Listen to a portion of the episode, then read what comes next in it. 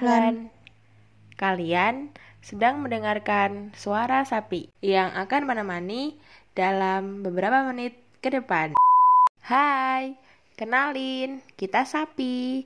Salem. Dan Cupi.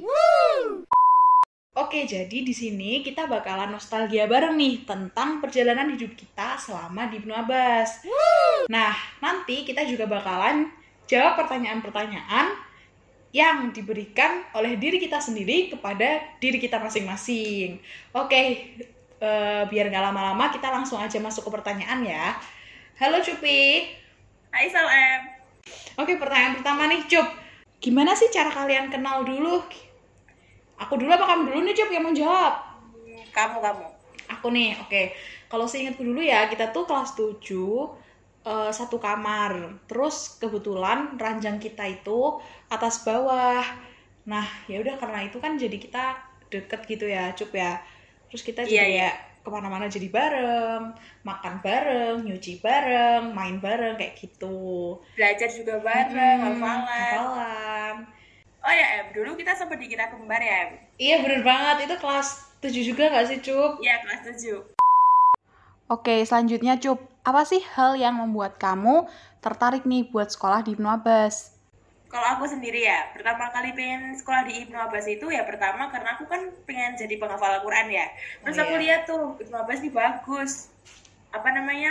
Tafid bagus, terus akademik bagus, terus ya masa enggak sih daftar situ. Terus juga teman-temanku juga banyak, kakak kelas juga banyak. Jadi ya berarti kan udah trusted nih ya. Jadi ya gitu. Kalau kamu gimana Em? Kalau aku sendiri, dulu itu, aku itu nggak tahu ya, aku kelas 5 itu udah survei ke Ibnu Abbas tuh bayangin. Ya karena terus kayak menurut aku tuh nyaman gitu kan, nyaman juga.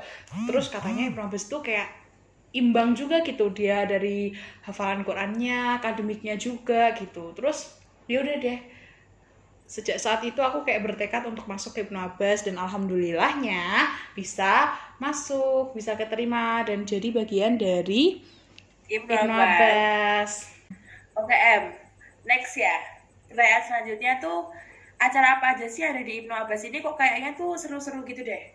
Oh banyak banget dong pastinya di Ibnu Abbas tuh eh, sering banget ngadain acara-acara yang gak juga asik tapi juga menunjang apa ya kayak eh, Kemampuan kita Iya, gitu. eh, menunjang kemampuan kita gitu. Contohnya nih ada Muhadoroh, terus Parvia, terus Ibas Fest, terus Itu language party. language party juga. Eh, kita bakalan jabarin secara singkat ya, Cup, tentang acara-acara itu ya. Oke Oke, oke. dimulai dari muhadoroh ya. Muhadoroh itu kan kalau aslinya itu kayak apa ya? Pidato dalam bahasa Arab, Inggris dan juga Indonesia. Tapi di Ibnu Abbas ini muhadorohnya itu dibungkus dengan serangkaian acara lain yang menarik gitu. Jadi kayak pentas seni gitu lah. Itu diada- eh, diadakannya per kelas ya, Cup ya. Iya berkelas. Jadi hiburan di setiap akhir pekan buat kita semua kayak gitu. Iya dan itu asik banget sih, nggak bohong nggak bohong. Kalau Sparviani kepanjangannya lom, kayak lomba-lomba sport and art gitu sih Em. Iya. Itu ngapain aja, Cup, di sana? Kalau Sparviani biasanya ada lomba-lomba kayak kelas meeting, kayak kasti, terus ya lomba-lomba tarik tambang kayak gitu deh. Pokoknya antar angkatan kita jadi kayak apa ya rival-rivalan. gitu. Tapi asik banget sih, soalnya kan kita juga bisa tahu tuh ini tuh angkatan mana, terus mereka tuh bisa apa aja sih, kayak gitu jadi kita Nah, bisa kenal. mengeratkan uhuah gitu ya Cup juga nih ya Iya, uhuhnya jadi kayak erat gitu deh. Mm-mm, bener banget Oke, selanjutnya nih ada IFES nggak sih, Em? Apa sih IFES tuh boleh tahu nggak? Fest atau IFES ya Cup ya itu merupakan acara yang cukup besar yang diselenggarakan oleh Ibnu Abbas ya Cup makanya Iya. frekuensinya juga nggak sesering acara-acara yang lain nah serangkaian acaranya itu juga pastinya keren-keren banget ada lomba-lomba yang bisa diikuti oleh sekolah-sekolah luar juga ya Cup Ya, Terus juga ada seminar yang pastinya ngundang bintang tamu yang gak kalah keren. Nah untuk IFES sendiri waktu kita di Abbas itu eh, kita kedapetan dua kali ya Cup. Waktu Iya, dua kita kali. kelas berapa sih? kalau nggak salah tuh kelas 7 sama kelas 9, Em. Oh iya bener banget. Dan itu eh, untuk bintang tamu seminarnya kalau nggak salah itu ngundang Terelie sama Rangga Almahendra tuh keren banget pokoknya. Ya, keren nih, parah. Jadi bener-bener kamu setuju kan Cup berarti kalau acara-acara di IBAS ini selain asik juga menambah apa ya kemampuan kita juga gitu pastinya. Setuju banget dong, setuju. kan ngalamin sendiri juga nggak sih em Iya. Kalau untuk sistem belajar dan hafalannya gimana nih kak? Ya gitu. Oke Cup, aku dulu apa kamu dulu nih yang mau jawab? Kalau buat pelajarannya, eh, di IBAS itu juga eh, dari akademiknya juga bagus ya Cup ya. Guru-gurunya juga nggak kaleng-kaleng kalau ngajar. Jadi Bagus jangan banget. anggap kalau masuk pesantren itu bakalan cuma belajar agama doang tanpa belajar akademik karena itu nggak berlaku sih di IBAS ya Cup. Di IBAS tuh bener-bener dari akademik dan dari eh, hafalan tuh kita dua-duanya harus mengejar keduanya ya Cup. iya Jadi harus duanya imbang tuh bener-bener harus gitu. seimbang gitu. Kalau hafalannya itu ya kita ditargetin tuh tiap tahunnya. Nah, nanti untuk bisa naik ke jenjang selanjutnya kita harus melalui ujian tahfiz. Jadi udah dipastiin dong ya, Cup, kalau hafalan kita itu dipertanggungjawabkan juga gitu. Jadi nggak hanya sekedar nambah karena di Ibnu Abbas ini juga difasilitasi uh, ujian tahfiz yang mana membuat kita jadi murojaah hafalan kita terus menerus gitu. iya jadi kita nggak lupa lupa gitu deh Iya, kalau menurut kamu sendiri gimana Cuk untuk pelajaran-pelajaran dan hafalan di Ibnu Abbas? kalau dari aku sendiri ya em aku tuh ngerasa pendidikan di IBAS tuh bener-bener luar biasa sih soalnya ya kita orang-orangnya yang masuk sana kan juga ya lumayan berjuang ya. Iya. terus ya meskipun bersaing tetap asik gitu deh. Soalnya meskipun belajarnya susah tapi kan kita punya teman nih buat belajar bareng. Jadi ya asik-asik aja. Terus kalau soal hafalannya ya pintar-pintar kita aja sih gimana ngaturnya. Yang penting kita tetap jaga aja gitu. Tetap ziyadah atau nambah gitu juga tetap murojaahnya. Biar nggak lupa. Bener banget tuh. Oke next question nih lingkungan sekitar dari Pondok Ibnu Abbas nih gimana sih Oke, buat lingkungannya ya Cuk ya. Kalau menurut aku lingkungan Iblis tuh aman dan kondusif nggak sih? Dan juga luas banget kan bangunannya tuh.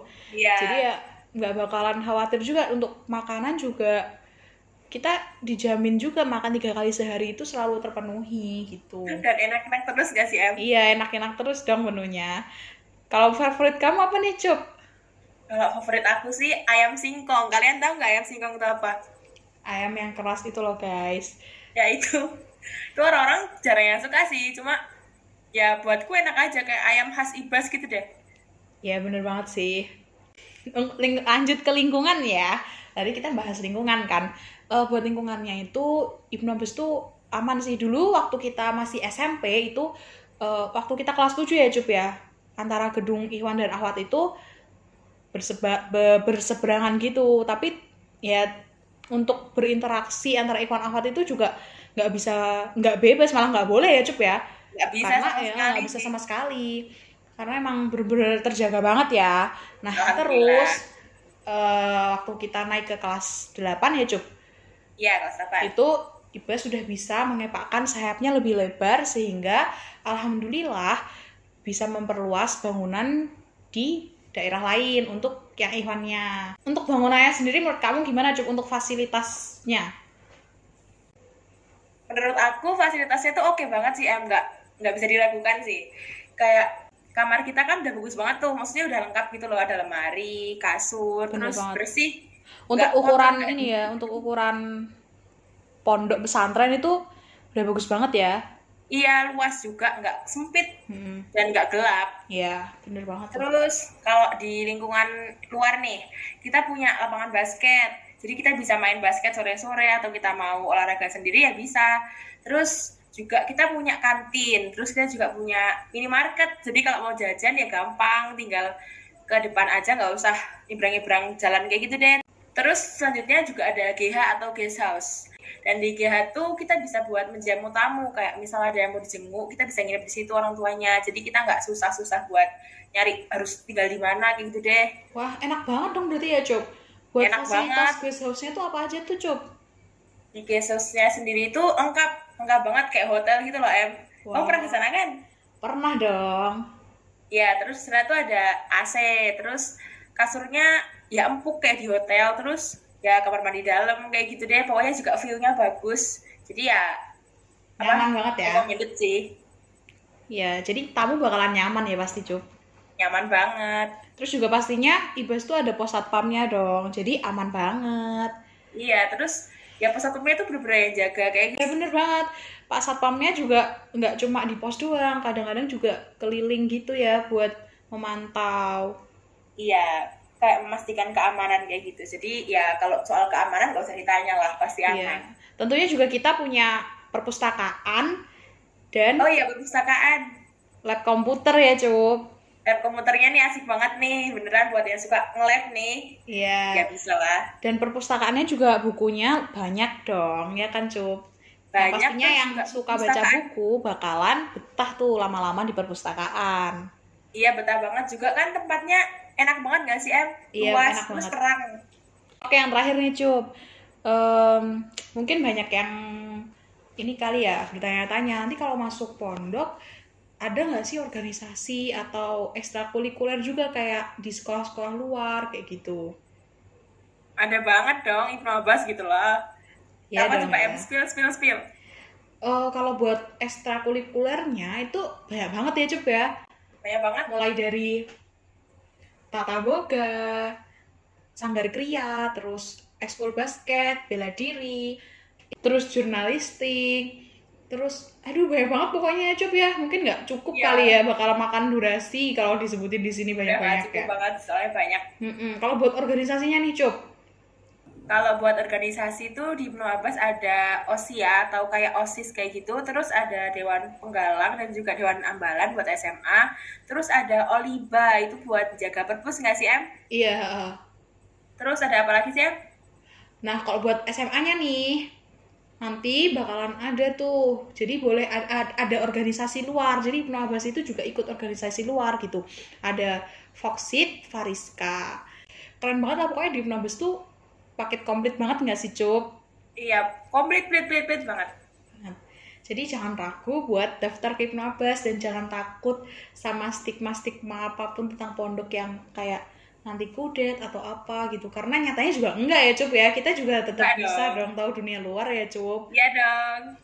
tentunya kita juga ditanamkan eh, pelajaran-pelajaran baik di sana gitu ya, Cup. Yap. Oke.